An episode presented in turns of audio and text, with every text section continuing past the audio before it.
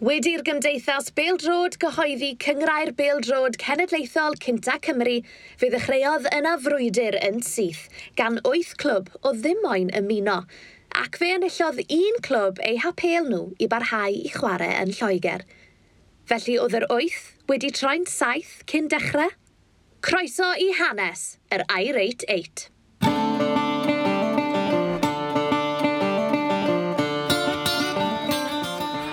yw Sione Dafydd ac yn y gyfres yma gan sgorio byddwn ni'n olrhain hanes ein cyngrair cenedlaethol a'r wyth clwb cafodd yr alwad i ddychwelyd i Gymru yn 1992. Fe glywn ni wrth y cefnogwyr a'r chwaraewyr oedd yno ar y pryd. Newn ni ddilyn hanes yr wyth clwb hyd heddiw a gofyn siwt mae pethau am newid i'r clybiau yn y dyfodol. Fe glywon ni gan May Emrys yn y rhifyn diwetha am y cefndir – pam bod cyngrau'r cenedlaethol yn cael ei greu ar ddechrau'r 90au. Ond beth am yr wyth clwb cafodd ei galw yn ôl? Pwy yn gwmwys oedd yr Irate 8? Um, Dwi'n teimlo to bod yr er enw Irate 8 na bach yn well, bach yn gas a bach yn, twyd, yn gamarweiniol i, i fod yn hollol onast. Achos ddaren nhw gyd ddim ymladd yn erbyn yr alwad yma i ddod yn ôl i, i chwarae i Gymru. Oedd gen ti yr wyth tîm yma, um, Bangor, Cynarfon, Bai Colwyn, Rhyl a'r Dre Newydd, oedd yn chwarae yn y Northern Premier League yn yr chweched a'r seithfed haen yn, yn Lloegr. Oedden yn yr un modd, y tri tîm yma uh, yn y de, y tri clwb, Merthyr oedd yn y bumed haen yn Lloegr, a wedyn Barry a Casnewydd, uh, oedd yn chwarae yng Nghyngrair y De, sef, dwi'n meddwl, y seithfed haen oedd nhw hefyd. Felly dyna'r wyth clwb. Clybiau ar draws Cymru yn chwarae yn Lloegr. Yn y gogledd, Bangor oedd yn neud orau o'r wyth, gan chwarae yn brif adran y Northern Premier League. Un adran yn uwch na Bai Colwyn, Cernarfon, y Dre Newydd a'r Rhyl. Yn chwarae i Fangor ar y pryd, roedd chwaraewr o Ogledd Cymru ath ymlaen i fod yn un o'r rheolwyr mwyaf llwyddiannus uwch gyngrau'r Cymru ac yn arwr y Mangor, Neville Powell. I had a fantastic nine years there as a player. Dyma'i atgofion e o chwarae i Fangor ar y pryd gan gynnwys cyfle i chwarae yn Ewrop. In them days in the, in, in the Northern Premier League, I think two seasons I played 84 games in one season. Because we were in that many cup competitions, and obviously we were playing in the Welsh Cup as well. And one season, I never missed a game. I played 84 games, uh, which was unbelievable. You know, uh, probably why my knees are so bad now. But you know, it, I joined Bangor City, and we we got into we, we got we won the Welsh Cup. It was fantastic. You know, the support we had down in Newport, and you know they follow you everywhere. The Bangor City fans, and obviously we, we played Fredrikstad in the first round and they had six Norwegian internationals who had just beaten Italy, who were the world champions. So we thought we're not going any further than Fredrikstad. We're going to have a nice trip out there to Norway. Anyway, we went over there and uh, we parked the bus, as you say, and we managed to get Everton Williams scored later on. We got a one-all draw. We brought them back to Farrow Road uh, the week later and uh, they absolutely murdered us, but they just couldn't score, and we drew nil nil. So we were in the second round of the uh, the Cup Winners' Cup, and at the time, all the English clubs were banned from Europe, so we were getting a lot of media attention. You know, I think it, it was probably, I think it well, it was, it was a live game on ITV. Hugh Johns was commentating on the on the home leg at, at, Atletico Madrid. Atletico Madrid at the time were like Manchester City now. Uh, they they beat Celtic uh, 8 1, 7 1 on aggregates in the first round. Atletico Madrid, they went the night before we played Atletico Madrid. John Mahoney said, We're going to show you the, the, the 90 minute video of the, the Celtic match. So they beat them 6 1 at Parkhead. So we were we went to bed that night thinking, wow, this this can uh, this is going to be a difficult difficult night. And we the game kicked off, and obviously they went two goals up pretty early, first ten minutes, and a lot of people thought this was going to be a a big a big score, but we dug in and it was a fantastic game, and we we more uh, held our own. You know, it was a, we had our chances. Second half, I think I hit the post first half. Uh, you know, we had Mark Palios there, a few Tranmere lads come in as well, and uh, they only beat us two 0 and we went over to Madrid, and you know, I think. I think there was about twenty thousand in the stadium. It was at, it was because we were only a part-time team. They were expected to go through, and they only beat us 1 0. You know, I remember Di Davis saving a penalty, and there was a lad sitting behind the goal with, with a drum, and Di was banging the drum, getting their fans, and they took to us, you know, and Di went to, he saved the penalty. So, uh, fantastic experience, and and that was my love affair for Bangor City. Nid Bangor oedd yr unig un o'r I-Rate 8 gath gyfle i chwarae yn Ewrop yn yr 80au. Fe nath ddau glwb o'r de gamu i Ewrop drwy ennill Cwpan Cymru. Yn 1980, tro cas newydd oedd hi. Ond yn fian wedyn llithro lawr oedd hanes y clwb, fel mae'r cefnogwr Dave Roberts yn ei gofio. Wel, roedd y, decade nuts, really, uh, 80au. Ennill y Cypen Cymru yn 1980, mynd i'r Cup Winners Cup quarter-final yn erbyn Carl Zeiss Jena yn y tîm o nesaf, um, yn 85-86, tîm gorau yng Nghymru, a blaen o Abertawe, Caerdydd a Wrexham yn y gyngra am dau tîm o. Wedyn, relegation i uh, Division 4 yn 87 a 88 ar y gweilod o Division 4 a 89 ar y gweilod o'r conference, dim arian, y hen clwb mynd bust. Chwefro uh, 89. Mae'n chwarae yn erbyn Kidderminster yn y game olaf yn, yn y beth oedd y Conference Cup. Um, chwarae ym Park Summerton. Um, game olaf, Casnawydd 5, Kidderminster 6 yn, yn y game olaf. Yn 89, nath y, y cefnogau um, dechrau clwb newydd, Newport AFC, Um, I dechrau tîm o 89-90 yn y Hellenic League. Oedd e'n ddechrau anodd i'r clwb newydd, Newport AFC. Oedd na ddyledion gan yr hen glwb ac er mwyn cael chwarae ar Parc Summerton, roedd y cyngor lleol, perchnogion Summerton Park, moyn i'r dyledion cael eu talu ac yn disgwyl i Newport AFC wneud.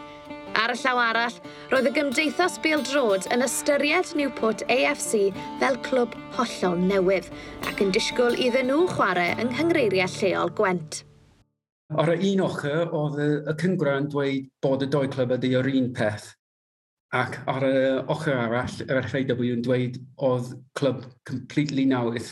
Felly, oedd y penderfyniad just symud i Loegr am y tîm o um, a chwarae um, Morton in Marsh yn Sir Galwyr. Felly, uh, mwy na 80 milltir o gas newydd yn y Hellenic League.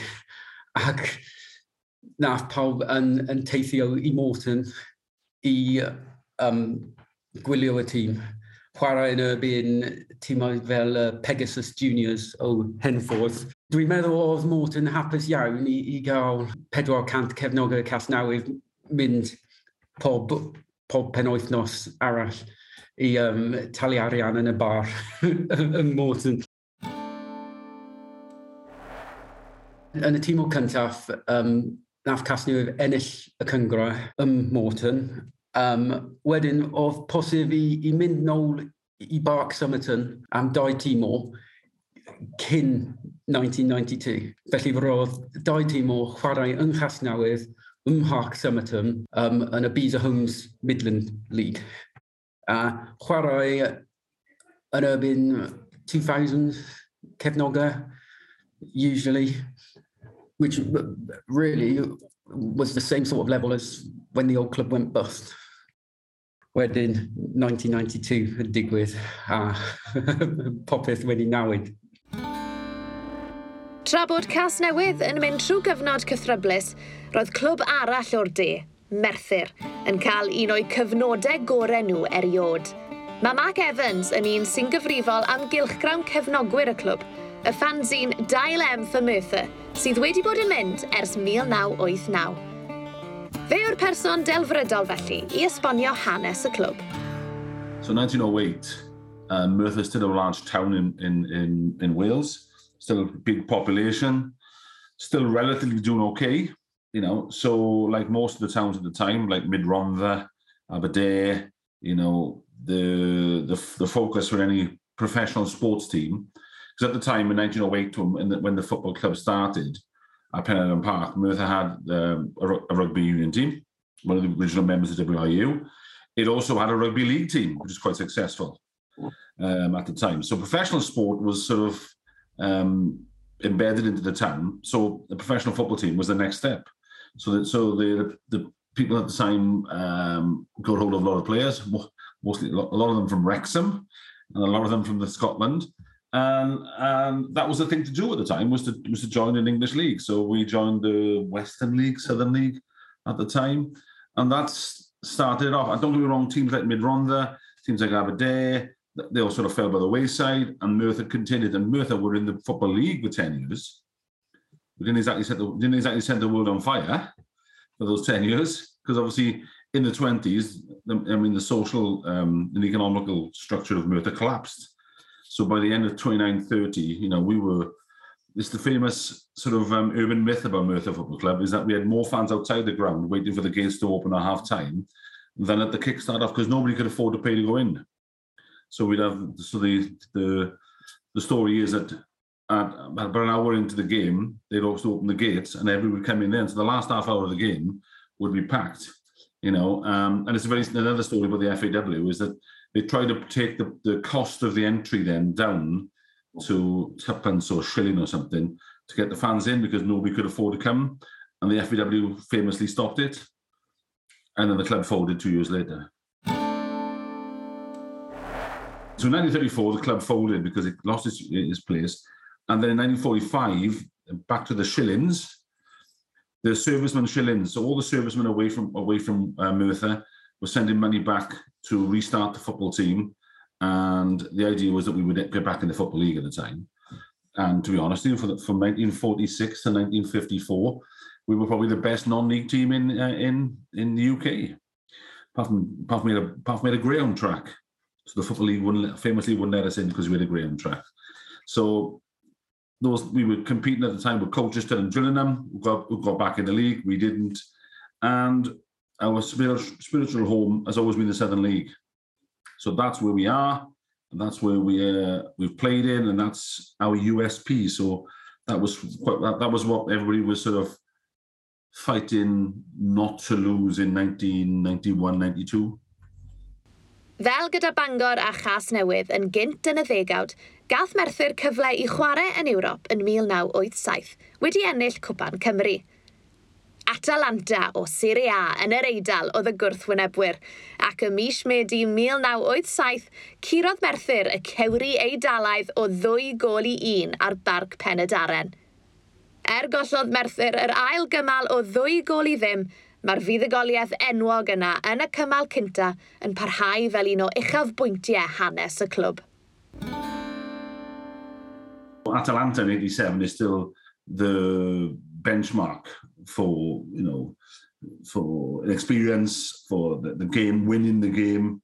You know, it was just it was just an immense game. It, I mean, everything around our club eventually comes back to Atalanta. So obviously, which is one of the things that people obviously still mention to us, and it's a fact. You know, that obviously playing in the Welsh system would give you that opportunity again.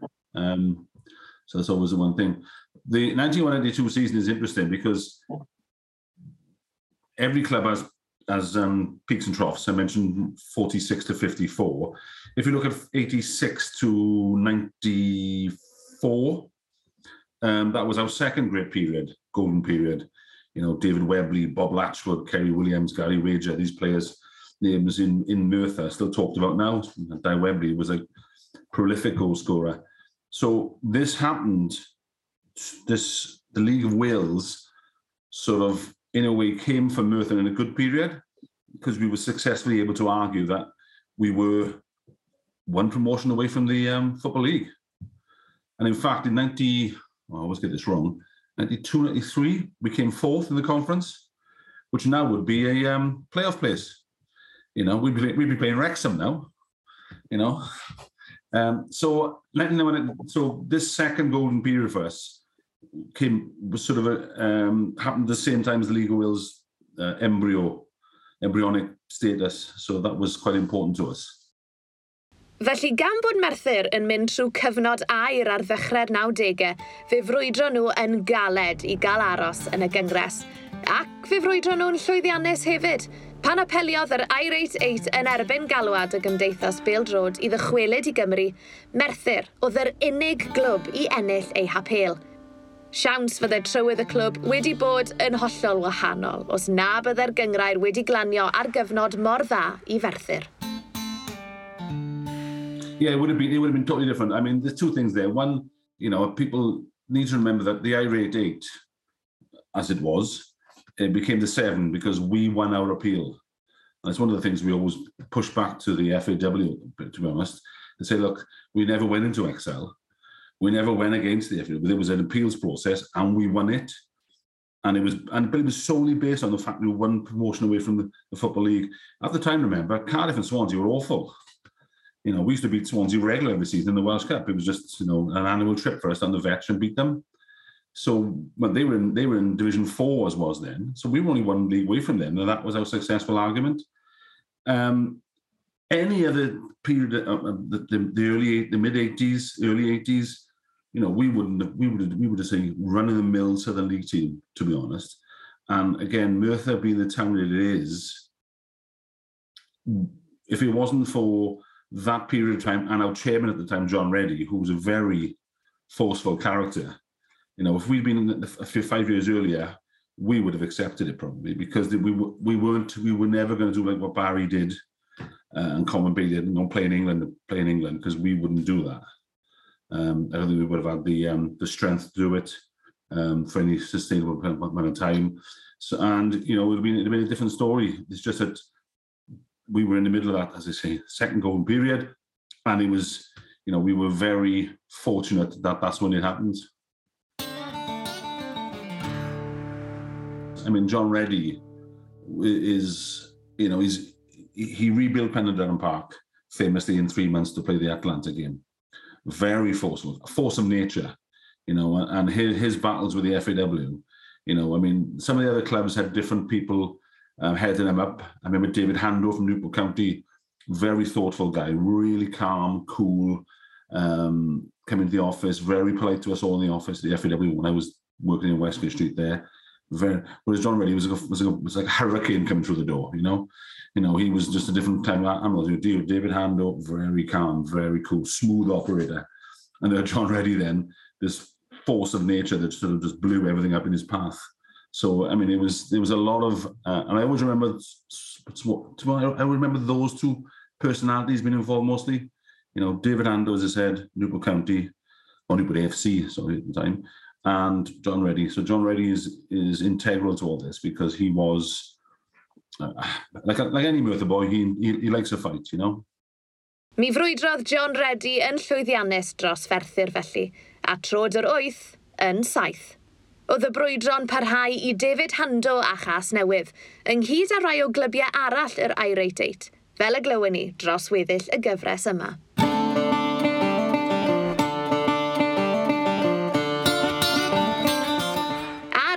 nesaf, byddwn ni'n troi'n sylw at dymor cynta uwch gyngrau'r Cymru, gan glywed wrth gyn chwaraewyr a rheolwyr oedd yno ar y pryd. Diolch i holl gyfranwyr y gyfres am eu hamser nhw. Eu stori nhw yw hwn. A diolch i chi adre am wrando hefyd. Tan tro nesaf, hwyl fawr.